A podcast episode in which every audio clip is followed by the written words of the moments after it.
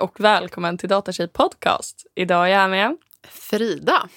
Ja, och vi ska ju prata om känslan av att höra hemma någonstans idag. Ja, kan man precis. säga. Så Ja, får vi se lite var vi, var vi hamnar. Det låter bra. Eh, Men du kan få börja och, och berätta lite om dig själv. Ja. Varifrån ska jag börja någonstans? Ja, men vad, du kan börja med men hur, när blev du eh, intresserad av data IT första gången? Eller var liksom, Mm. hade du en bra relation till data IT när du liksom var yngre? Eh, nja, det ska jag väl kanske inte säga, tror jag. Hela min familj, både mina föräldrar och mina bröder, eh, är läkare. Mhm. Och även mina bröders, numera då, deras fruar. Det är jag och min syster som då inte är Ja, ni är de läkare. svarta fåren. precis. Eh, så det har egentligen varit så här. Och mina två bröder, eller min syrra gjorde något helt annat. Eh, hon är lite 11 år äldre än vad jag är. Mm. Eh, så hon, eh, hon gick sin egen väg eh, redan från början. Och mina två bröder gick inte alls ens natur på gymnasiet. Utan det var liksom, Mm. de läste sam och de hoppade av och det var liksom, ja. Det var inte alls det. Så att mina Mm. föräldrar kollade på mig och bara, du är den enda som kan bli läkare. När jag började gymnasiet och jag gick natur för att ja, men det var, jag hade lätt för matte typ. Ja. Eh, men sen gick jag också ett år tidigare på gymnasiet så jag var bara 17 när jag tog studenten. Mhm. Eh, och 15, eller precis fyllt 15 när jag började gymnasiet. Ja, okej. Eh, att- Är du så här januari-barn? nej, Eller? nej, jag vet inte riktigt. Jag kunde väl typ knyta mina skor själv när jag var fem eller något. Nej, men Aha. alltså, jag, jag började Du- bara ett år tidigare fast jag är född i juli. Aha. Så att, ja. Aha. När du var liten liksom? Ja. Från början? Precis, jag hoppade över sex års då.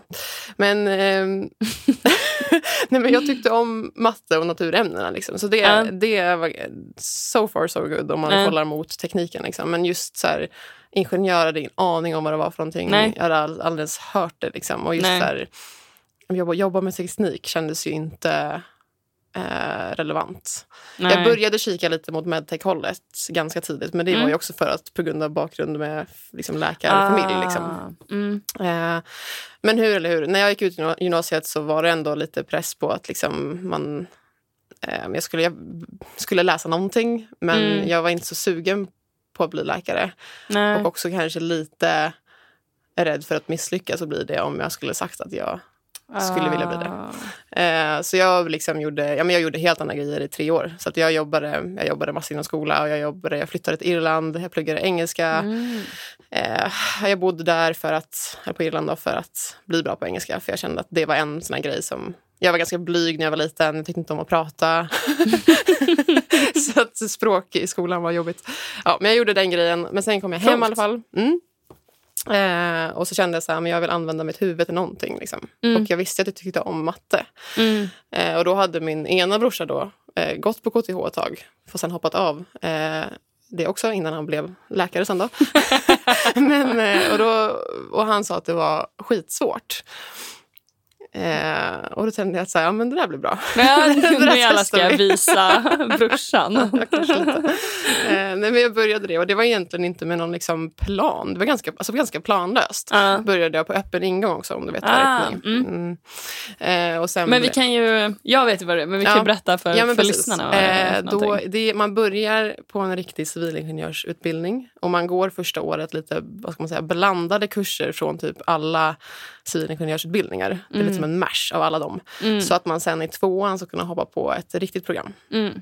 Så alla som går öppen ingång går bara ett år och sen hoppar man på den riktiga eh, utbildningen. Mm. Och det är också för er som lyssnar och som inte vet om det så är ju väldigt många av civilingenjörsutbildningarna första året är ganska lika. Det är, Ja. mycket, det är alla mattekurser, liksom de här standard envarre, flervarre, algebra som Mm. de flesta läser. Eh, Ja, det läser man ju i alla fall. Eh, så det gjorde jag. Och sen, men bra att veta kan ju vara att man eh, tävlar med sina klasskamrater om, eh, Om platserna. om platserna Ja. på programmen sen. Exakt. Så, Så man är inte eh, garanterad någon... eh, Liksom, om, om man, nu vet jag inte alls hur det ser ut nu, för jag är Nej. för ganska många år sedan. Men då var det så här, det var svårast att komma in på indek och teknisk fysik, tror jag. Ja, det tror jag nog är ganska lika. Ja, och då var det så här, ja, men då var det ju bara de, ett visst antal från öppen ingång som får gå dem. Och då måste man ju vara så duktig så att man kommer in. Liksom. Ja. Eh, Eller som, som du säger, med konkurrensen mellan, till andra i klassen. Ja, men precis. Eh, så man är inte garanterad någon plats. Men, man, är väl, ga- man är väl garanterad en plats på något program, ja, exakt. men kanske du blir inte på exakt det man Du skickas vill. inte ut på Nej, efter. Utan du får ju gå på något De program. kapar de fem på slutet. Nej, tyvärr. Det blev inget program för er.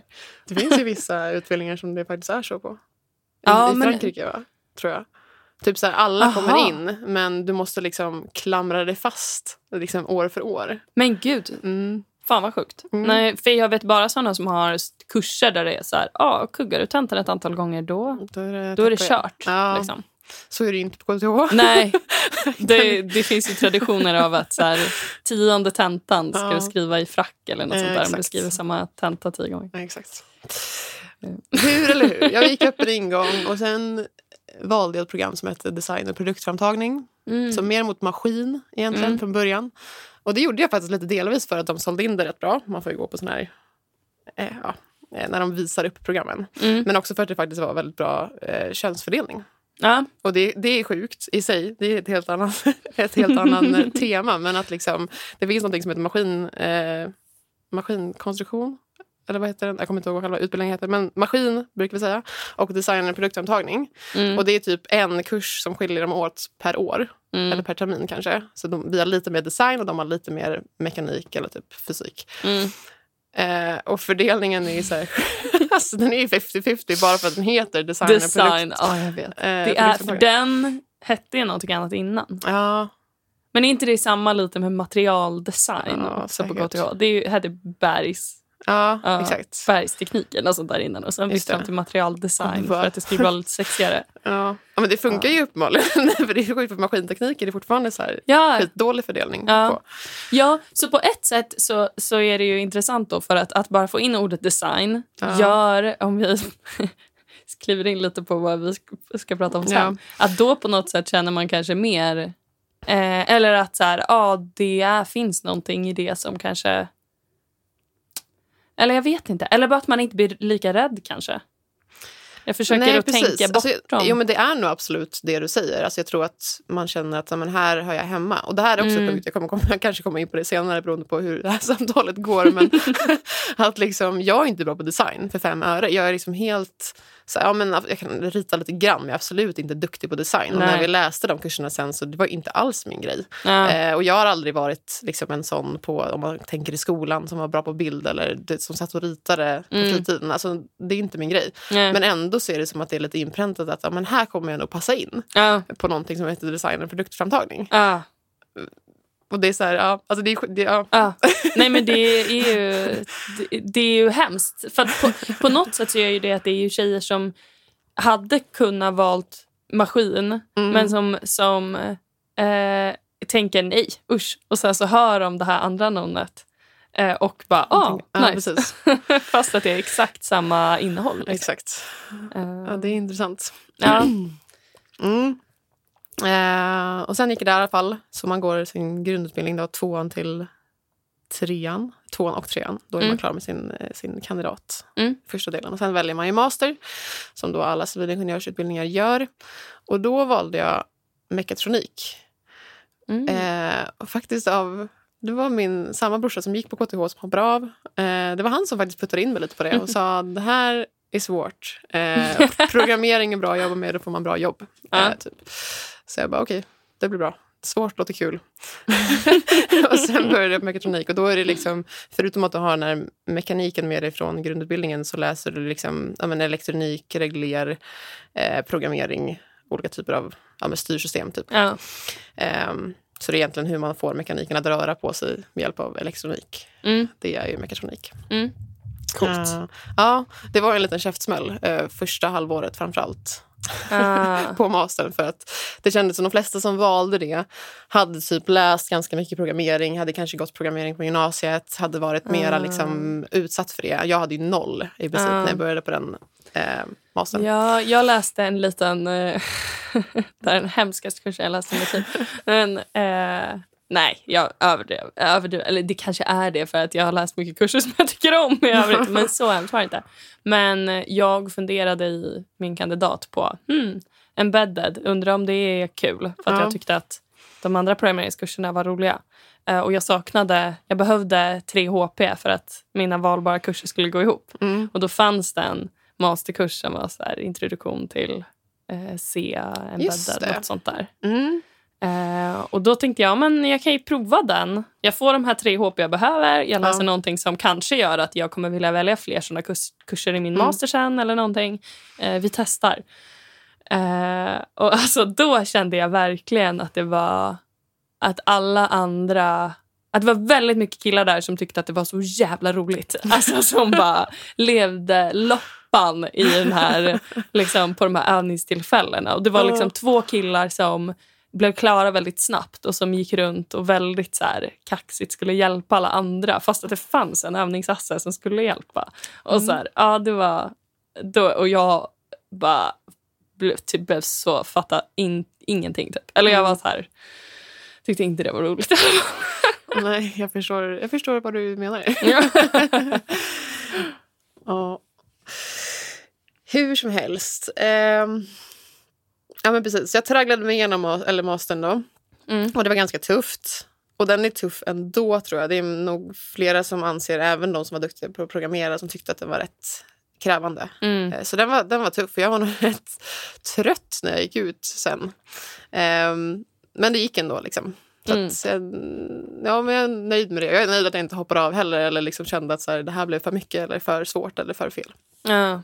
Eh, Men det var nog inte riktigt förrän jag började på mitt första bolag då, som hette Tritech, som jag kände att jag landade liksom, ordentligt. Mm. Eh, och kände att ja, men jag kan ju faktiskt göra saker. Jag kan utveckla, jag, kan, jag får testutveckla och liksom hela produktutveckla. Vilket var det För då började du som embedded-utvecklare Ja, liksom, precis. som var din roll. Mm. Exakt. Eh, och det är egentligen samma bolag som jag jobbar kvar på idag. Mm. Och det här var ju då, vad sa vi, sju år sedan som jag började mitt exjobb där. Eh. Så du gick ut 2016. 16. Mm. Mm. Men numera heter vi Prevas då. Mm. Så det men ja, precis. Det är samma... mm, Ja, det blev ett uppköp, så nu är vi samma bolag. Mm. Eh, men så jag jobbade ju som uh, embedded-utvecklare både med vanlig, eh, vad ska man säga, ja, men koden till embedded-prylar Mm. eh, också med testutveckling. Sen skårade jag över lite grann mot typ projektledning, eh, produktägande, testledning. Så Mm. ganska mycket som handlade kring inte bara programmera. Jag tyckte det var kul. Mm. Eh, men jag kände också ganska snabbt att så här, det kanske inte är det här jag är allra bäst på. Det finns ju faktiskt folk som verkligen, verkligen brinner för eh, programmeringen. Och jag tycker Mm. absolut att det är kul och det är ett bra verktyg. Men jag tyckte nog att människorna var ännu roligare att jobba med. Och Mm. speciellt i närheten av tekniken. Ja. Eh, så just att försöka sy ihop en produkt liksom med allt från, ja, det, i det här fallet var det både mekanik och elektronik och eh, mjukvara Mm. och personerna runt om som var Mm. väldigt liksom, speciella på sina sätt och sådär. Mm. Eh, att det var det jag faktiskt drevs av allra mest. Så jag eh, ja, men, jobbar ju fortfarande, eller då och även faktiskt nu idag, jobbar jag ganska nära tekniken men med människor egentligen eh, Mm. istället. Så det gjorde jag liksom under första tre åren som konsult. Mm. Eh, så gjorde jag den lilla resan och insikterna och allt vad det innebar på vägen. Mm. Ehm, och sen började jag hjälpa, då var jag fortfarande, ja, det bolaget då, med eh, ledningsfrågor eller med eh, lite mer rekrytering i början. Mm. Och så började jag med våra exjobb, höll i dem. Och det här kan ha Mm. varit kanske 2018 tror jag. Eh, på hösten där. Och så började jag hjälpa till att liksom hålla i exjobben och styra upp dem och rekrytera in de exjobbarna. Eh, och sen Mm. fick jag ta över den batchen av exjobbare som började det, det året och ha dem som anställda. Ah, och sen hade jag, liksom, gick jag lite parallellt. Jag hade den eh, lilla gruppen ett tag och sen jobbade jag fortfarande som konsult. Och sen gick det över till att jag hade en full stor grupp. Fick rekrytera in den och ta över lite folk från en annan grupp. Mm. Eh, så sen ja, men 2019 så har jag varit heltidskonsultchef. Mm. Eh, och då är den rollen i princip ja, men, eh, mm, en personalgrupp på typ 20 eh, konsulter Mm. som jag har hand om och har ansvar för. Mm. Eh, jag har fortfarande ansvar för exjobben. eh, Då vet alla som lyssnar om man närmar sig exjobb. exjobb. Precis. Eh, och sen jobbar man ju med rekrytering, med sälj och med projektledning av Mm. våra... För att, eh, Prevas är ett konsultbolag så vi är ju ute hos våra kunder och jobbar hos dem. Men vi har också projekt som vi kör inhouse, Mm. liksom, som vi själva styr över. Mm. Så det är sådana typer av projekt som man hjälper till lite med. Så att där är jag fortfarande teknisk själv och försöker hänga med och ta beslut och hjälpa våra utvecklare att göra rätt saker. Ja, men nice. Kul Mm. att få den vari- variationen. Ja, faktiskt. Mm. Det, för det kan jag ibland... Om det är något jag kan sakna med att vara konsult, nu är du konsult, Mm. så, att, eh, så här, vad du kan sakna sen. Nej, men det beror på vilken roll man får liksom, i livet. Ja. Så, men, ehm, jag trivs jättebra som, som konsultchef och också för att jag tror att mitt bolag är bra. Liksom. Mm, mm. Eh, men ehm, jag kan ibland tycka att det blir lite väl spretigt. Man gör så himla Mm. mycket. Det är, så här, det är så många olika typer av personer och personligheter som man jobbar med som har olika typer av liksom, vad de behöver. Mm. Så man behöver, försöker vara någon slags liksom, coach till väldigt många olika typer av personer. Mm. Eh, och det är många typer av små projekt som ska göras. Och sen är det allt från så här, handla in öl, hålla events. eh, ja, men alltså allt liksom, som man gör bara för att hålla kontoret igång. Liksom. Att det blir lite spretigt ibland. Ja, jag fattar. Eh, och sen så är det någon kund som kan vara upprörd som man måste hand om. Så, alltså det, så här, det händer så mycket. Eh, så jag kan ibland sakna att bara så här... Eh, ja, men ett, mitt uppdrag som jag hade, så var det, liksom, det, det längsta uppdraget, så var det ja, men vi skulle ut med en produkt. Liksom, den skulle ut från utvecklarstadiet ut på typ, eh, ett, ja, testas i riktiga världen. Att det var så tydligt, ett tydligt mål. Så här. Ja, men den här produkten ska ut. Eh, vi måste få klart det här och det här och det här. Vi måste testa av det på det här sättet och sen så liksom installera det och få det att funka och ta in data. Liksom. Mm. Att det var så enkelt på något sätt. Att bara så här. Det är bara den här produkten som ska ut. Mm. Tydligt, jag- konkret mål. Exakt, nu måste jag så dela upp hjärnan i 15 olika fack. Typ. Ja, jag fattar. Mm. Ja. Nej, jag...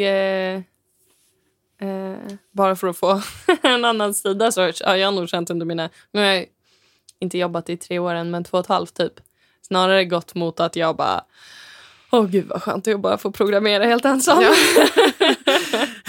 Ja. Att jag var nog... Eh, ja, men jag vet inte. Eh, uppskattar verkligen att vara i min lilla Mm. bubbla lite då och då. Jag förstår det. Men, eh, men vi får se. Vad, det, Vad framtiden ger. ja, men exakt. Det är det jag eh, försöker säga till mig själv ofta när jag är så här... Åh, gud, vad... Ska jag göra så här? Ska jag göra det där? Ska jag jobba med det? Ska jag ha det här uppdraget? Ska Mm. jag så liksom? Att jag bara, jag ska jobba så länge. Så eh, jag, om jag tycker att det är kul att programmera nu så Så kör på det. exakt. Mm. Så kan jag sen Alltså, göra andra grejer det låter som en väldigt bra plan. Mm. alltså, du kommer aldrig eh, ångra att du liksom samlade på dig teknisk kompetens, oavsett vad Nej, du ska göra sen, vad du vill bli när du om 10-15 år. Det spelar ingen roll. Alltså, här, alla åren som du tar med dig som du har jobbat tekniskt kommer du ha glädje för om Mm. du är, liksom, är Mm. eller har varit utvecklare. Mm. Så kör på. Tycker du liksom att det är kul och det är din grej nu så kör i vind. Ja, men exakt. Mm. Tack.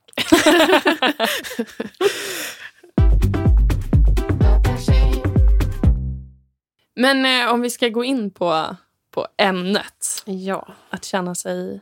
Att känna att man hör hemma. ja, Eh, precis.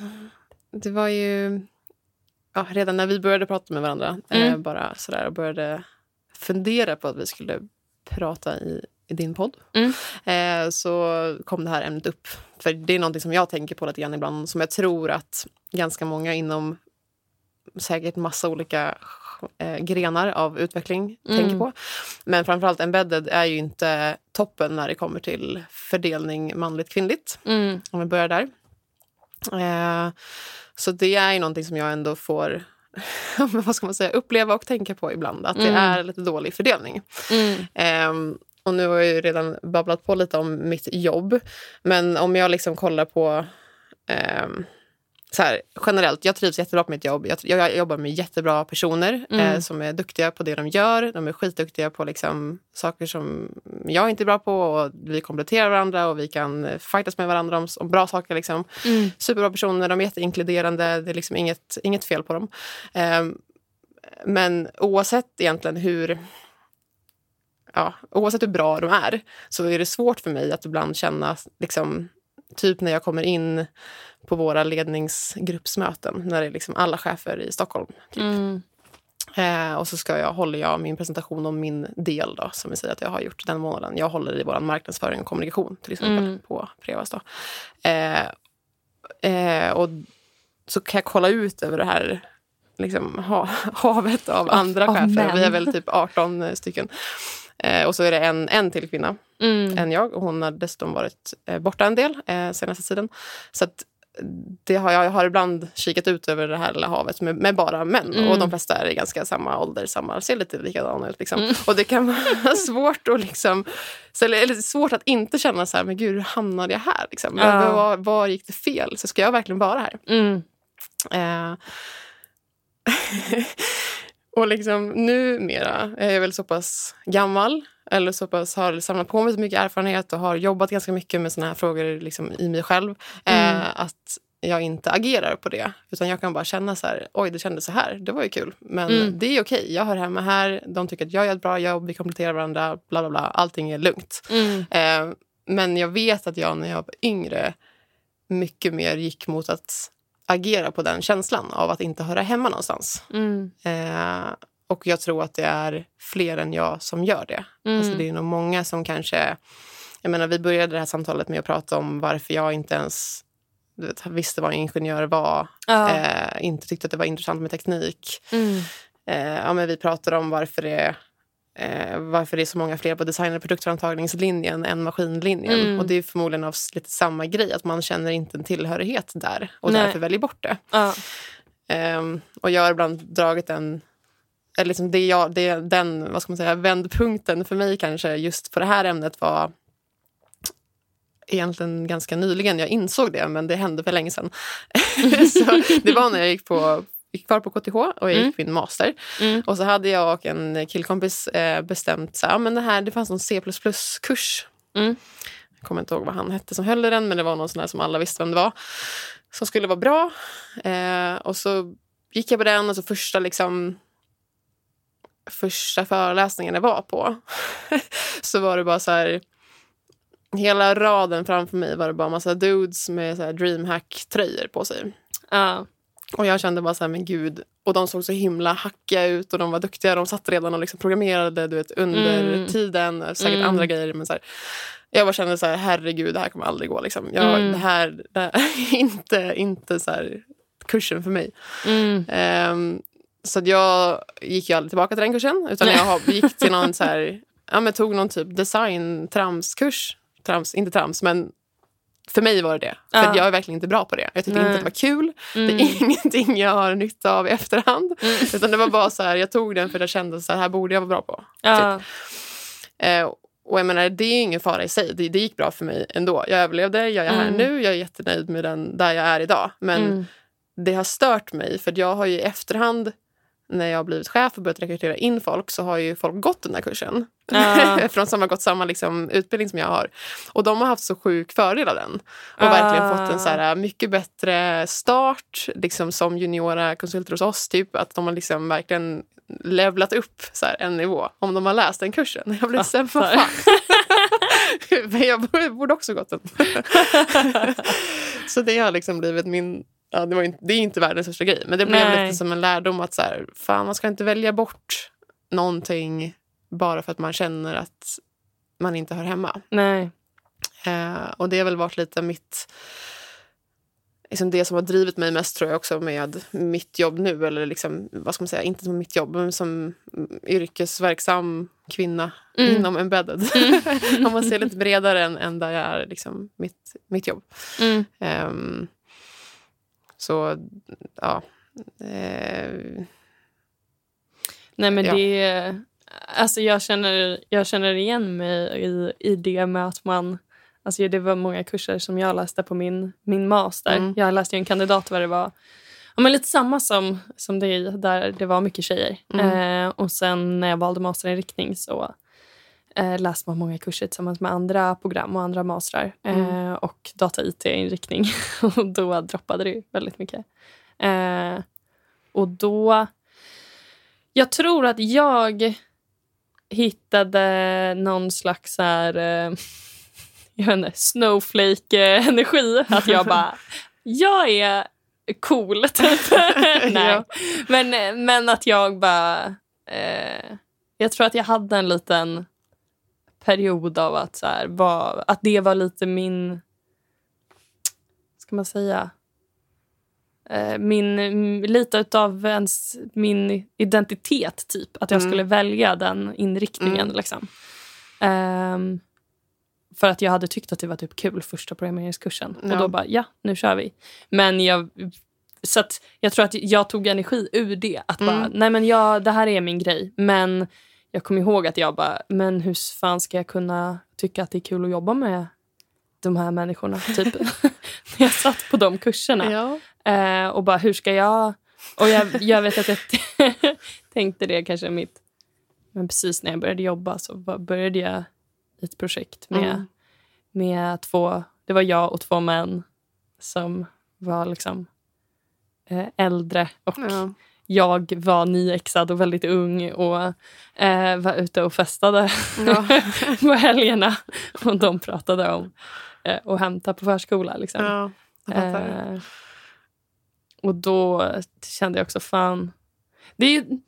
Ja, nu... nu eh, det, jag känner att det är flera aspekter av det också. Mm. Att jag tror att jag diskuterade det här i ett avsnitt tidigare om att så här, att det är både att vara ung och att vara kvinna. Liksom. Ja.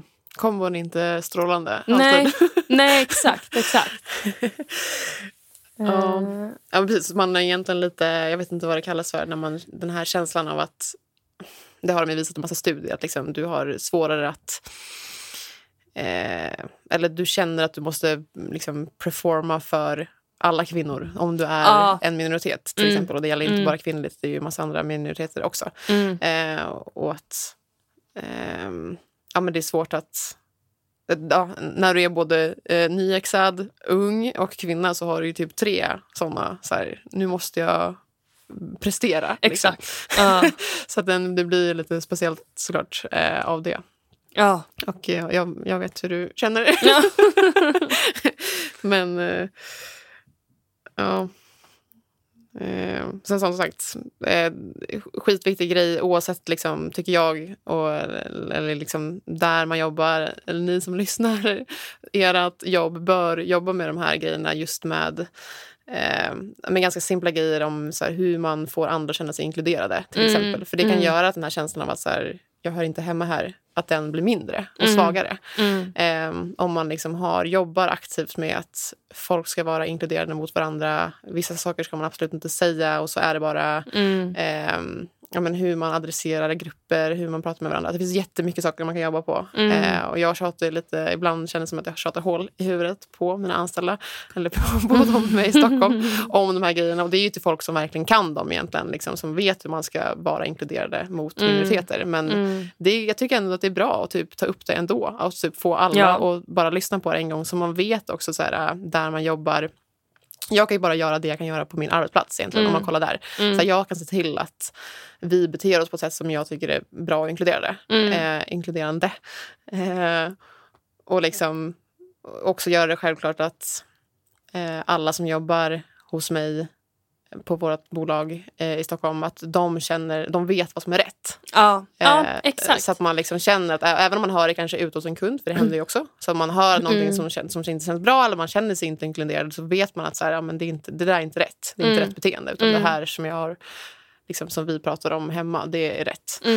Ehm, Ja, men för det tror jag att, att ni tar upp och pratar om det och eh, lyfter vad som är rätt. mm, Det tror jag också är bra för eh, de liksom, vita cismännen. För Ja. att jag... Eh, fördom kanske, men det känns som att jag har lite belägg för det jag ska säga nu. Eh, men att många av dem nog tror att de vet vad som är rätt utan Ja. att de nödvändigtvis vet om det. Eh, och då liksom... Eh, eh, ja, men kanske inte förstår. De, de menar väl, mm. men de har, ingen har... de har inte själva tagit reda på vad som är rätt och inte förstått Nej, att, att det är problematiskt. Och kanske det är vad som är socialt accepterat förändras ju också. Mm. Eh, och, det kanske var rätt en gång i tiden. exakt. Eller var inom situationstecken rätt. Ja, men, men, men, precis, rätt så som... Ja, precis. Normen society- var. ja, Exakt. exakt. Det, var inte, det var ingen som skulle klandra dig för att uttrycka dig på det sättet för Nej. 20 år sedan. Men Precis. idag funkar inte det. Liksom. Mm. Eh, så jag tycker att det är ja, ju en jättebra... En, en, en stor del i det. Både att göra alltså, eh, kvinnor tryggare i att... Och andra minoriteter Ja, tryggare i att stå upp för för vad, att, och att känna det här är fel, det här är Mm, rätt. precis. Jag har rätt till det här. Liksom. Eh, Och den nästan svåraste kategorin här, det känns som att vi spårar iväg på något Nej, annat men samtal det, nu. det, det här är superintressant. men att just den här äh, ja, men lite jargongen kan kanske vara svår att få död på. Att, så här, Ja. för Jag vet att jag har i mina, vi har ju som lite utbildning i det här som är en del av så här, introduktionsutbildningen men som också dras med jämna mellanrum på personalmöten. Men då är det en slide om liksom, det här med, hur man skämtar till Mm. exempel. Eh, om liksom, ja, men som kanske är homofobisk eller rasistisk Ja. eller ja, eh, diskriminerande på något sätt. Ja. Eh, att det är så här, och så brukar jag säga så här, ja men måste man vara så himla PK då? Och då är det så här, ja det måste man, för vi är på jobbet liksom. Ja. Och, det, och det ska bara vara så här, det är så det är. Det är den Ja. miljön vi ska vara i. Den ska vara trygg, den ska vara bra och den ska göra att liksom, folk trivs. Och framför allt liksom, jag menar, det kan ju vara en sak, för det är ju ett helt annat spår med typ rekrytering. Att, så här, att, att jag väljer bort att jobba på det här bolaget eller att välja den här utbildningen eller att jag känner att jag inte ens vill ta klivet att försöka du vet, komma in i, i någon grupp där man känner Ja. att man inte hör hemma. Det är ett problem. Ja. Eh, och det, jag kan göra det jag kan göra för det liksom, som, Mm. i min roll. Eh, men det jag däremot verkligen kan göra är ju för de som har kommit in. Ja. Så de tjejerna ska ju, och kvinnorna, ska, om vi pratar den minoriteten, ska ju inte känna att de inte hör hemma när de väl är här. Nej. Det kan jag i alla fall se till. Ja. Eh, Nej, men exakt. och sen så kanske det förhoppningsvis sprider sig utåt. Folk Ja. bara ser embedded kanske, eller ser min, min bransch med lite andra ögon. Jag vet inte. Men det är ju det i och för sig, Mm, om, om man ska prata mer om så här, vad jag... Eh, hur jag har min approach till det här på, i mitt jobb. Så Ja. förutom det liksom mitt vad säga, vanliga jobb eh, så jobbar jag ju dels med då interna arbetet med eh, ja, daglig in inkludering, kallar vi det för. Ehm, men också jobbar jag med någonting som heter.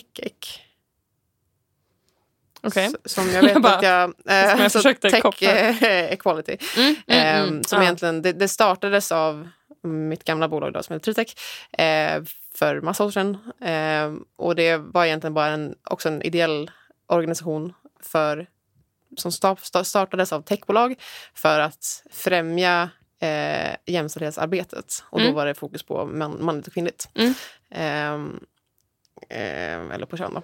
Så, eh, och den jobbar jag fortfarande med nu. Mm. Jag var med från början och sen så tog jag en liten paus och gjorde liksom andra initiativ på jobbet. Och sen eh, nu är jag engagerad i den igen. Mm. Och det var faktiskt hela mitt förra meetupet som jag hade var på det temat just att känna tillhörighet. Mm.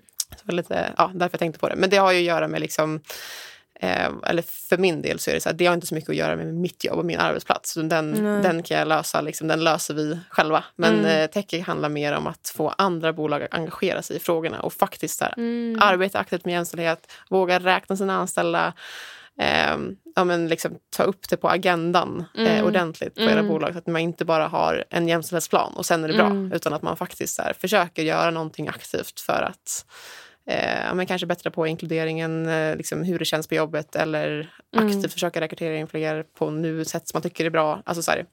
ja, men det är mer att eh, få ett engagemang hos andra. Mm. Eh, och det tänker jag på lång sikt gör Mm. att kvinnor kanske tycker att det är mer en plats för dem också. Så Mm. det är som ett så här, man ska säga, långsiktigt sprida känslan av att man känner sig att man hör hemma. Mm. det var lite trailigt. Men och också så här, just typ med senaste meetupet så var det så här, men då ville jag bara dra ihop massa kvinnor också från tech. Ja. Och det kom ju ändå, ja men jag tror upp mot 60 pers liksom, som Vad kom på kul. någon AV hos oss. Bara, och det var bara Nice. kvinnor. Ja. Eh, och det var både från KTH och från arbetslivet. Så det var lite Mm. mash. Liksom. Eh, mm, men det var kul. Och det var också så här, en poäng med det var ju att bara få ihop kvinnor som man kände den här samhörigheten. Och bara, men gud, Ja. det finns ju andra här också Ja. som gör det jag gör. Och liksom, Mm. vi hör alla hemma här. Mm. Ehm, ja, men precis. mm. Ja, nej, jag tänkte bara på en annan eh, aspekt av eh, så här, som, man, som är svår att påverka. Mm. För att på liksom, eh, just för att våran, eh, vad ska man säga, branschen är som den är, att något man ägnar sig mycket åt är ju att googla och leta svar Mm. the internet. Yes. och att det är, alltså jag upplever i alla fall en communitykultur inom liksom, programmeringsbranschen som är ganska hård ja. online och ganska dumförklarande Mm. och liksom ehm, inte så, så här mysig och välkomnande. Och, Nej. Eh, eh, ja, det har jag inte tänkt på för väldigt länge, men det har du ju absolut rätt i. mm, Eh, du tänker typ ja, med stämningen på, på Stack Overflow. ja, typ, exakt. ja. exakt. Eh, och där man kan känna att man bara, uff, jag skulle inte vilja skriva en egen fråga här och behöva Nej, stå bli för att grillad liksom. Ja, exakt. Mm. exakt. Eh, och att... Ja, jag vet inte. Att bara... Även om man har en eh, liksom väldigt positiv eh, jargong och community på sin egen Mm. arbetsplats och så vidare så, så är det ju tyvärr så att liksom den... Idag så ser det ut så Mm. online. Och lite oavsett var man söker sig upplever jag att det är en så här... ehm, ja, men en... eh, eh, det är en... eh, man, man sätter människor som har typ vigt sina liv Mm. åt programmeringsyrket på en piedestal. Ja. Och så är det så man ska kunna svinmycket. Mm. Och kan man inte svinmycket, då, då, ha, då, då får man inte vara med. Typ. Eller då är man liksom dålig. Eh, Ja. Och att jag kan ibland, så här, när man försöker hitta en lösning, så är det så här... Ja, ah, okej. Nu använder de ett annat ord som jag inte vet vad det betyder. Så får vi googla på vad det betyder. Ah, okej, Ja. Det var någon sån här grej. Okej. Mm. Eh, vad är det då? Eh, och att det liksom... Ja, Ja, precis. Jag har inte tänkt på det på jättelänge, men det, men det stämmer nog. Alltså, eller, det, det stämmer ju för att du upplever det Ja. och för att andra upplever det. ja. Ehm, men jag tror faktiskt också, eller det som jag lärde mig, för jag tyckte ju så ännu mer tror jag när jag precis började jobba. ja. Att liksom, shit, jag kan ingenting och Mm. jag måste liksom försöka navigera mellan alla de här piedestalpersonerna som Ja. man försöker få ihop i en grupp. Eh, men det jag märkte som så här, nu blir det också lite generaliserande. Där, så här, de som är svinduktiga på någonting tekniskt kanske inte är de mest sociala personerna. Till exempel. Nej. Det är ju en så här, lite generalisering. Men Mm. jag märkte att många som jag jobbade med som var de här tekniskt svinduktiga Mm. eh, de såg ju upp till mig för att jag kunde prata på ett möte på ett vettigt sätt. Mm. Eller typ för att jag fick igenom våra beslut hos våra produktägare. Mm. Som de sa, det här skulle jag aldrig kunna göra. Mm. Så jag vet inte riktigt så här, ja, jag vet inte. Och det behöver inte just vara det som är ens kvalitet eller liksom det man är bra på. Men när Nej. man pratar programmering så är det inte alltid det är bäst att vara tekniskt djup på någonting. Nej. Utan det, du kan göra mycket, många liksom, eh, tillfällen kan det ju vara nästan fördelaktigt att du är lite medium bra på tre saker. Mm. Eller på du, du är bra på att se kopplingar mellan saker. Mm. Eller du vet, men folk är bra på olika saker. Det är, det Ja. är där jag tycker det är kul. Eh, Ja. Om man pratar mer så här, vad jag drivs av så är det just att så, men, man kan ha en... Ja, precis.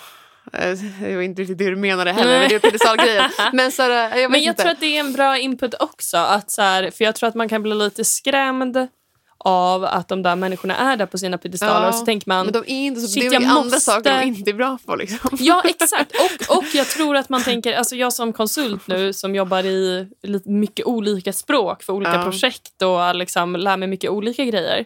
Eh, då ser ju jag en massa olika människor på piedestaler. Och så Ja. tänker jag att jag måste bli alla dem. Men de har ju bara jobbat med ett språk. Ja, grävt ner sig i det. Eh, Exakt. Så att om jag skulle lägga resten av mitt yrkesliv så skulle jag kunna vara på, uppe på den där piedestalen. Ja. Absolut. Och jag tror att det kan man, men man måste inte. Och det är det är det här, vad säger man, det är när man kan vara en medelmåttig man, då har vi uppnått jämställdhet. Eller något sånt, Ja. var hur Ja, saying är. När, man, när det räcker att vara en vit medelmåttig man, när man är kvinna, då har vi uppnått jämställdhet. Ja, exakt. exakt. Eh, och att... Eh, ja, men man, ja, jag vet inte. Men samtidigt också Men, men, tror, säga... men tror, du så här, tror du att de personerna som, som du ser sitter på piedestaler, tror du de upplever det? Att de gör det? Mm, Att de är Nej. lite bättre? Eh, eller jag tror att det finns en eh, combination. Ja. jag tror att det finns de människorna, framförallt online, som verkligen känner att de sitter uppe på den där piedestalen. Att de är så jävla duktiga och kan så himla mycket.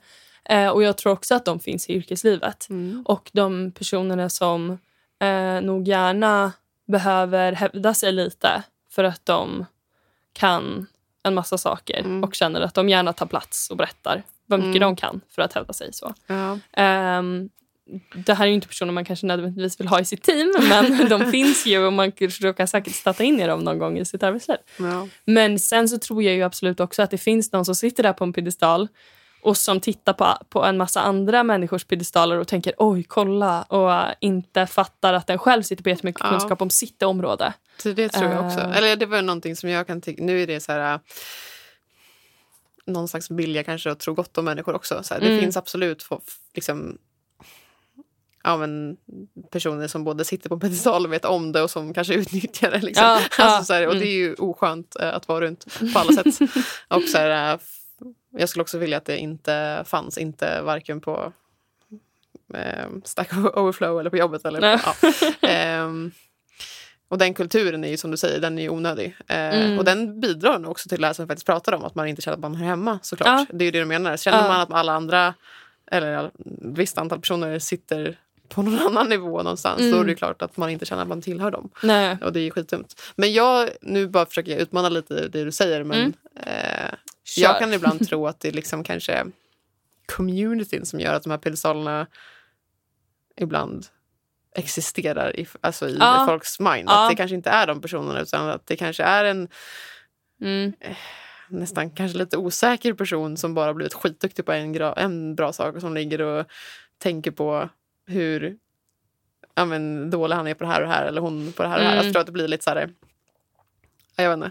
Jag, jag, jag tror att eh, folk är... Folk, liksom, man, man lär sig saker på sitt jobb, i skolan, på vägen när man blir äldre, i, sitt, Mm. i sin karriär. Mm. Men man blir bra på olika saker. Mm. Eh, och just, ja men, så här, ja men kanske om du har en specifik fråga om ett specifikt språk i ett specifikt problem, då är det förmodligen en person som är skitbra på det, som är Mm. den bästa att svara på det.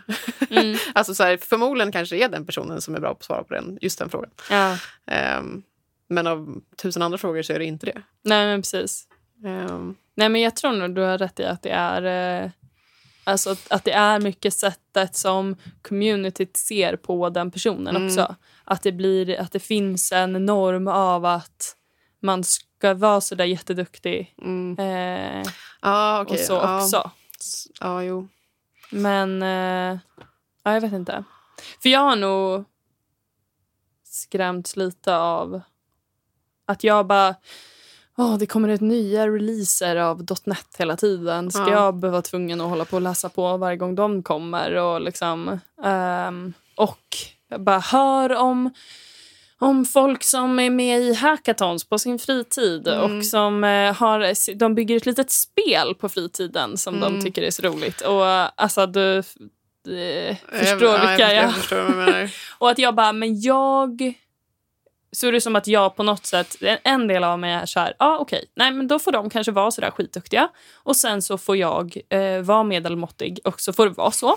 Och så har den, den sidan av mig kommit och bara, eh. Men en annan del som bara, de, och nu tänker jag bara rent så här, programmeringsyrket. Mm. Eh, men också en annan del som är så här, jag tror ändå så pass mycket på min egen förmåga att jag kommer kunna vara lika bra som dem. Även om jag inte eh, lägger hela min fritid på Ja, eh, det här. Liksom. Alltså det är klart att du kommer det. Och som sagt, även så här, ja, rent programmeringsyrket, absolut. Det är liksom... Men det är inte bara programmering. Alltså även om man bara kollar på programmeringsyrket så är inte det. Det är förmågan att se lyft och blicken, det är förmåga att eh, få en produkt, inte bara en kodsnutt. Alltså så här, Mm. Oavsett om det är en, liksom, vad nu produkten är för någonting, om det är en liten server eller whatever. Alltså, det är mer Ja. i det Jo, men verkligen. än bara vara den absolut bästa, mest optimerande kodaren. Mm. Liksom. Det är sant. Jag måste ta med mig det mer, tror jag. Ja, det tycker jag du ska göra. Ja. för jag har nog inte, nu har jag kanske just så här, vad ska man säga, min personliga erfarenhet av de här piedestalpersonerna. Mm. Det låter, det låter för konstig grej, men de, typ på mitt jobb till exempel, nu jobbar jag väldigt nära liksom, några stycken som är, liksom, det är det, de är sjukt duktiga. Liksom. Och Mm. eh, men programmerar lite på sidan av hemmaprojekt för de tycker att det är kul. Och så. Mm. Men de personerna just i min närhet är också de absolut mest liksom, humble någonsin och skulle verkligen aldrig på något sätt ens vara i närheten av att tycka att liksom, ja, men jag som kanske inte har programmerat på fritiden, när, Mm. om jag hade programmerat, att jag skulle in, inte skulle vara bra nog eller inte skulle Mm. vara lika bra som dem. Mm. Men det, det är ju väldigt personligen och vad man träffar liksom. Ehm, och vad man, jag vet inte, vad man får för inputs. Ja, ja, exakt. Just nu jobbar jag med... Jag var, jag var helt ensam i, i några veckor på ett projekt eh, och skulle bara fixa lite snabbt. Så. Mm. Och sen så sa jag så sa de ja till en fas två. Då var jag så här, ja, jag gör ingenting om inte jag får lite hjälp. Någon som Mm. reviewar och så hjälper mig. Eh, och då, så bara, det är klart vi fixar det. Så fick jag, ehm, ja men det är en seniorutvecklare som hjälper mig på, eh, ja men en dag i veckan. Mm. Ja, bra. Ja, och han är alltså den gulligaste. Han ska eh, reviewa min, min kod då och skriver Mm. så här. Kommentera på saker jag gör bra. Och det var någon fil jag hade refakturerat. Mm. Vilket är när man skriver om kod. Eh. Om man inte vet vad, vad det betyder. Ehm, så hade jag, var det jättemycket som kunde tas bort för att det inte användes längre. Men det Mm. hade legat kvar och skräpa. Och då gjorde han så här eh, gjorde han så här fem stjärnor, alltså så här stjärnemojit. Så bara five of five, excellent cleaning in this house. skrev han så här på den filen. Mysigt. Ja, och jag bara blev så himla glad. Ja. Bara det, det finns ju de människorna, för jag nu bara efter att ha, jag har inte jobbat med honom förut, eh, men bara efter att ha jobbat med honom lite grann så känner jag ju att han är uppe på en av mina piedestaler Ja. av, av flera anledningar. Dels för att han är en duktig utvecklare men också Mm. för att han är jättebra liksom, eh, Mentor. och tycker om att lära och eh, uppmuntra mig jättemycket. Jag känner mig helt plötsligt eh, typ så taggad. När jag har gjort coola grejer så är jag så här, inte... För förut kunde jag nog känna mig... I andra projekt så har jag känt att nu har jag gjort något bra. Nu jävlar ska jag visa dem att jag kan för att Mm. jag behöver bevisa mig. Mm. Eh, Medan jag känner mer nu att jag bara så här... Ah, nu ska jag få se vad jag typ har lärt mig. Eller att jag Mm. kunde göra det så bra. Att det är typ en, en mer glad känsla än att jag känner att jag måste... Att jag ska visa att jag inte är dålig. Ja, Vilket jag kunde Ja, gud, känna... ja, det är en superstor skillnad Mm. på de två Ja känslorna. men exakt. exakt. ja, alltså, att, mentorer ja. är fan det bästa en arbetsplats kan ha. Ja. Alltså bra mentorer. Vi hade ju gått under utan våra. Ja, Men nu tar vi in väldigt mycket juniorer också så det är ju liksom en del av vad ska man säga, processen. Men Mm. eh, eh, ja, det är så guld värt ja. med bra mentorer. ja men verkligen. Eh, och både kan jag känna själv, liksom de som jag har haft. Jag har inte kanske haft, jo men jag har haft några som har varit så här appointed liksom. Men sen så har man ju, speciellt när man jobbar som konsult, det kanske du vet om, så beroende på vilket projekt man är i så blir det olika personer som man liksom kan lära sig av tekniskt Mm, och så här. mm. Så man får ju någon typ av mentorish Ja. som man ehm, ja, men är med just det projektet. Ja. Eh, och de har ju betytt jättemycket på massa olika sätt. Mm. Det är superhäftigt. Och som kanske inte alls tänkte att de var mentorer åt mig. Nej, Men Nej, de har bara exakt. funnits där på typ det här sättet som du Ja. beskriver och varit så en, någon som fått en att känna att man eh, blir glad för det man gör Mm, bra istället för att bli rädd för det man kan göra dåligt. Liksom. mm. Eh, ja. Men Frida, vad ska man tänka då om man, om man känner att man inte riktigt hör hemma? ja, det är en väldigt bra fråga. Och det är nog någonting som det nog för de flesta tar ganska lång tid att eh, komma underfund med. Mm. Eh, och jag vet inte riktigt om det finns någon, någon guidebook för hur man Nej. ska göra.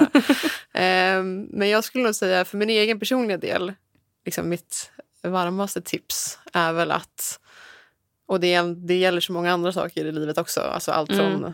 Eh, ja, vanlig ångest till liksom andra känslor som man har i kroppen. Mm. Att man inte måste agera på det på en gång. Mm. Utan man kan mer bara stanna, reflektera och känna så här, oj, nu kände jag att jag inte hörde hemma här. Mm. Och sen liksom göra ett val därefter. Inte bara gå direkt på action. Inte gå ut från föreläsningen av C++ som jag gjorde.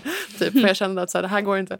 Utan bara känna att eh, men utmana sig själv lite i den tanken och känna så här, men varför skulle inte jag höra hemma här? Är det bara för att alla andra är män här? Mm. Det är ju inte en rimlig anledning. Mm. Jag kan visst höra hemma här. Mm. Så man får ju liksom börja jobba lite med sig själv i det om man nu hinner med att känna att Mm. man känner så. Mm.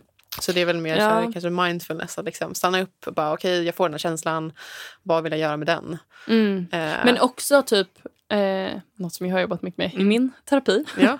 Men att, eh, att säga till sig själv att det är okej att man känner så. ja, exakt. Ja, Eh, absolut.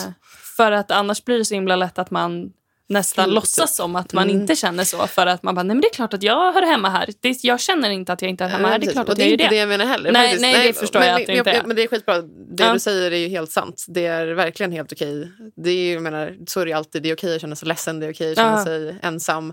Mm. Det är okej att känna att man inte hör hemma någonstans. För det Mm. kan se ut så, det kan kännas så. Och det är Ja. en verklig känsla om du känner den. Men sen är det frågan då, men väljer du då att fortsätta eller gå? Ja. Eh, alltså så här, det är väl... Och, och reflektera just det. Det är helt okej att känna så, men varför känner du så? Ja. Vilka aspekter av exakt. det är det som gör att du känner det? Det kanske bara har att göra med din självbild eller liksom Ja, hur du har sett framför dig att ditt, din arbetsplats ska se ut. Exakt. Eh, i Eller- din, när du var din 14 bransch. Ja, och exakt, drömde om exakt. ditt första jobb. Eller liksom. Exakt, och våga utmana det. Ja. är väl också ett bra tips. Lite som du gjorde när du började på din master och du var väldigt ensam Mm. liksom, tjej. Att kände att så här, men nu, eller liksom mer som jag tolkade det gonna som. be a slow snowflake. ja, precis. Snowflake, gör det till din grej.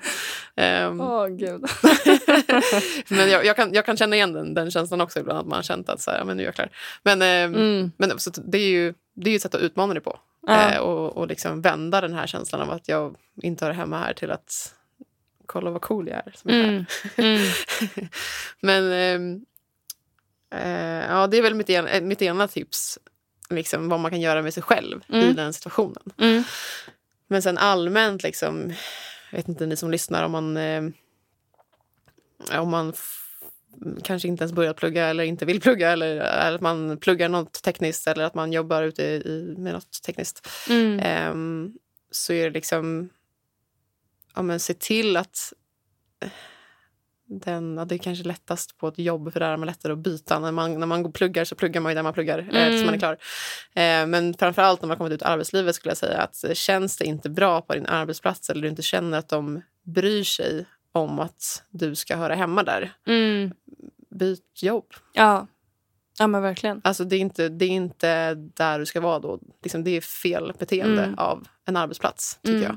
Så det ska, vara, det ska finnas en aktivitet eh, för att göra att man känner sig hemma. Mm. Eh, och även då, alltså i sin minoritet. Då, kanske Mm. då, om man är kvinna så är det ju i den minoriteten om man är en minoritet. Vilket Ja. man... Ja, det beror på vart man jobbar inom tech såklart. Så Ja. blir det ju, men om man liksom... Om, om ni som lyssnar kanske pluggar eller jobbar inom embedded Mm. så kommer det, fördelningen är förmodligen ganska kass. Mm. Eh, och att det ska finnas ett driv till att eh, ja, men känslan som kvinna på den arbetsplatsen eller, ja, ska, Mm. ska vara bra. Ja, Eh, du ska liksom känna att man hör hemma där. Ja, men och jag tänker om man, om man pluggar, då kan Mm. man ju söka sig utanför just sitt program och sin klass. Till Ja. till exempel sånt event som du drog ihop. Mm, eller precis. Datatjej har ett mentorskapsprogram Ja, man kan gud, söka ja. sig till. Det finns ju massa... Men, vi sponsrar två, eller en aktivt, men två eh, historiskt eh, med föreningar för kvinnor och icke-binära. Mm. Eh, så det är superbra eh, sätt för eh, kvinnor och icke-binära att känna samhörighet med andra. Mm, Och då har det mm. varit just för ja, men elektro i det här fallet som är väldigt, där fördelningen är Mm. ganska kass Jag tror att den är bättre på data, men det kanske bara är in, i mitt Eh, huvud. jo, det Ja. tror jag den är. Ja. Eller, jag gick ju medicinsk teknik och Ja. medicinsk teknik och elektroteknik hänger ihop på KTH. Eh, samma sektionslokal och sådär. Ja. Jag tror mitt år så var de av så här 120 personer var det nio tjejer eller något sånt där. Så Precis, så de, det, det är väldigt eh, aktivt försöker sponsra dem i alla fall. För att så här, eh, kom igen, håll ihop så att ni kommer ut. ja, men exakt. Ehm, nej men ehm, ja, eh, sådana typer av föreningar finns ju på skolan. Det finns ju massa olika aktiviteter. Alltså, det är Mm. inte bara fokus på kvinnor eller fokus på minoriteter. Det finns ju massa olika typer av men allt från mässor till ja, jag vet inte vad som finns på KTH, men allt Mm. möjligt liksom, Nej, eh, som går att engagera sig i. Där det finns liksom, där man, om man nu kanske går jag ska inte hänga ut elektro här, men, men om man går en klass där det är väldigt, man känner att så här, uff, eh, Häng har- med medtech. Exakt, kom och häng med medtech. Nej, men att det finns andra sätt att känna sig inkluderad och eh, att man hör hemma där på. ja, Än just sin egen klass om man tycker att sin klass är lite skevt fördelad. ja. Och det är samma sak, det är typ den approachen jag har på mitt jobb också och haft sen jag började jobba. Att så här, Oj, här var det inte så bra. Men det kan vi nog, det finns ju fler kvinnor, just om man kollar på den aspekten. Ehm, och liksom försöka dra ihop meetups och grejer mellan Ja. bolagen. Liksom, Ja. Så att man känner en samhörighet där Mm. istället. Ehm, det, är ju- det är ju bra. ja. Ehm, ja, men det var och, eh, två. Har vi ja. något? Har du något tredje? Nu kollar jag, nu har jag kollat liksom så här, i mitt huvud så lite grann, men när man har jobbat så man kanske redan går på KTH. Men jag tänker de som jag tänker på mig själv när jag var 15. Ja. typ, jag vet Ja. inte vad man ska ha för tips där riktigt. Eh, mer än att säga att så här, det går hur bra som helst att vara kvinna och jobba eh, med teknik. Eller jobba Ja. med embedded. Eller Ja. jobba med typically manliga saker. Ja. Det går hur bra som helst och man kan... Eh, eh, det, det är fett coolt. ja, men exakt. Men jag tror välja. att det är liksom, alltså det är väl det som, eh, eller det är ju det Datatji försöker liksom påverka Mm. med den här podden och mycket annat i samhället också. Att så här, ehm, jag kände ju, ja, men lite som du sa med alla killar som satt med Mm. DreamHack-tröjor, att jag kommer ihåg i gymnasiet, då kunde man välja programmering som kurs, Ja. liksom, eh, som valbar kurs. Och jag bara, pff, inte en chans. Skulle jag välja något så töntigt? och bara gick och läste filosofi och psykologi istället. Eh, och tyckte psykologin sög.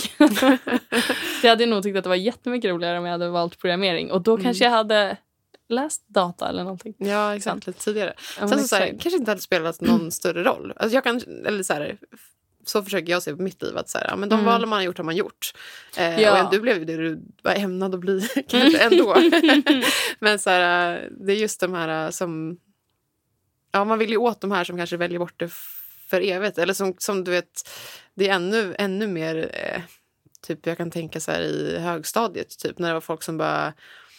Men kan inte du hjälpa mig med den mattegrejen? För Mm. att jag kan inte matte. Mm. Och bara där, så här, man bara, du kan inte ens avgöra, eller typ, om man tar ut mellanstadiet typ, och så bara där så här, men matte är inte min grej. Ja. Eller typ teknik är inte min grej, jag Nej, kan inte exakt. fixa det här på datorn. Ja. Eller, vet, man bara, nej att just den där att alla kan. Det är Ja. bara, det, vissa tycker att det är lite jobbigare att lära sig bara, men Ja. det går. Alltså, om man Men- ser på typ alla som har gått ut KTH så är Mm. det så här, det har verkligen varit rangen väldigt, väldigt lätt för det till väldigt, väldigt svårt för det. Ja. Men ändå kommer igenom. Det går ju att lära sig saker. Det är bara...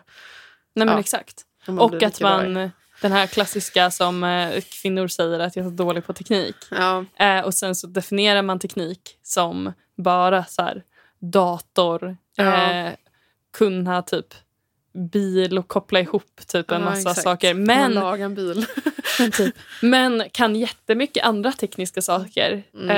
eh, som de inte alls reflekterar över eller tycker är teknik. Ja, För att det är eh, ja, men inte kodat på det sättet. Liksom. Nej, precis. Eh, och det blir ju jätte dumt liksom. Ja. Så, ja. Så det var väl eh, något luddigt tips till Nummer tre som är yngre. Ja, väldigt brett. Nej, men, ehm, Nej, men jag tror att det är bra. De två första är väldigt eh, ja, men liksom bra grejer. Att det är så här, eh, gå inom dig och, och stanna upp och reflektera. Acceptera att du känner som du känner men Mm. fundera över varför. ja. Eh, och sen reflektera över var, var du är om det är så att eh, det inte är en plats där någon försöker göra situationen bättre. Sök dig Mm. vidare. Eh, Mm. Eller sök kontaktytor på annat håll Ja. eh, där du kan känna att jo, men jag hör ändå hemma här. Ja. Eh, även om min klass suger. ja, precis. Ja, men det var bra sammanfattat. ja, tack, tack, tack. det är min styrka i mitt yrkesliv Ja, att jag har sammanfattat så bra. Exakt. På din sammanfattningspiedestal. Ja, Exakt. Ja. Ja, men nice. Vi Mm. kanske kan runda av där. ja, Tack för att du eh, kom och gästade. men tack Frida, själv. Det det var var- jättekul. Jag Ja. har klarat mig igenom hela, Ja, hela samtalet. Exakt. Vi har, inte, vi har inte dött någon av oss. Nej. Eh, men om någon som lyssnar skulle vilja kontakta dig, hur, eh, Ja, ja, men det gör man nog allra bäst på LinkedIn faktiskt. Ja, Eh, man kan behöva vänta någon dag på svar ibland. men du kan lägga min länk till, till LinkedIn Ja. i programmet. Eller i, ja, vad heter det? Ja, i I avsnittsbeskrivningen. avsnittsbeskrivningen. Så kan man ju skriva att man har lyssnat på podden också så vet du att det är därifrån det kommer. Att det inte är en rekryterare eller sånt. Ja, det är bra. Ja, det är bra. Det låter kanon. ja, men toppen. Mm. Eller har du något du skulle vilja tillägga? Eh, nej, men stort tack till dig och jättekul att du hittade mig på LinkedIn. Eller genom, genom, din, genom ditt jobb tror jag att det var. Till och med. exakt. Att mitt jobb har eventuellt försökt rekrytera dig någon gång. Oklart när. Lite. Eh, ja, det, är en, det brukar vi säga ibland. Embedded är en, en liten fiskdamm. Som man simmar runt liksom bland samma företag, bland samma kandidater. Tror jag. Ja, men det är, rekryterar. lite, det är lite samma i medicinsk teknik. Mm. Jag har en, eh, nu blir det, nu har vi sagt tack för idag och så Ja. ska jag ändå berätta en liten story. Jag Ja. tror att jag eventuellt redan har dragit den här i podden. Men, men, men. Ehm, nej, men jag, eh, när jag gick mitt tredje år på KTH Mm. så var jag på en studentmottagning för mina systrars kompis. Ja. Eh, och så sitter jag och pratar med eh, deras kompis liksom äldre släktingar. Så. Mm. Och så är det någon som frågar så här, ah, vad, vad pluggar du? Och jag bara, ah, medicinsk teknik. Och så vänder det sig en man om och bara, jaha? Och börjar så här, typ, fråga ut mig lite. Och jag bara, ja, okej. Och vad värst vad frågvis han blev helt plötsligt. Och alla de andra så här, skrattar lite. Mhm. Och sen får jag veta att han eh, jobbar på, på Getinge som är Ah. Ett stor medicinteknikbolag. Liksom. Eh, och så säger han innan när vi ska säga då, säger han så här, ja, vi, vi kommer ses eh, i framtiden sen. Branschen är så liten. Ja. Och jag bara, haha, ja, okej. Och sen så uh, satt jag på ett litet uppdrag på Getinge Mm. och jag hann sitta i typ några veckor. Och sen kom jag i en mejltråd där jag skulle på, på möte med honom. och så sa jag bara, tja, du, jag vet inte om du kommer ihåg mig, men... så jag hann jobba typ, typ ett och ett halvt år tror jag Ja. och sen sprang in i honom. Så han hade ju verkligen rätt. Ja, rätt. Den, den gäller nog för hela embedded också. Väl lite större damm kanske, men ja. Ja. ja, men jag tror att man tycker också så här definierat, men också att det är många som... Alltså just för att man kan ju jobba med medicinsk teknik eh, ganska kort och, Mm. och sen jobba med annat. Så det, Mm. det, är en, det är en odefinierad damm. Ja. Det känns som en embedded är mer, eh, eh, lite mer st- stängd. ja, kanske. Att om man börjar med den tekniken så är man, är man i den dammen. Typ. Ja, jo, så är det faktiskt. Ja, nu, stickspår. Mm. Men jag vill i alla fall tacka Tom Gorron för introt i podden och Sonica Studio för att vi får spela in här. Och så tycker jag att alla som lyssnar ska bli medlemmar på Datatjej på datatjej.se. Och följ oss på Instagram, Facebook och LinkedIn och TikTok eh, där vi heter Datatjej. Och har ni några frågor, förslag eller tankar om podden så får ni mejla mig på podd.datatjej.se. Tack! Tack så mycket.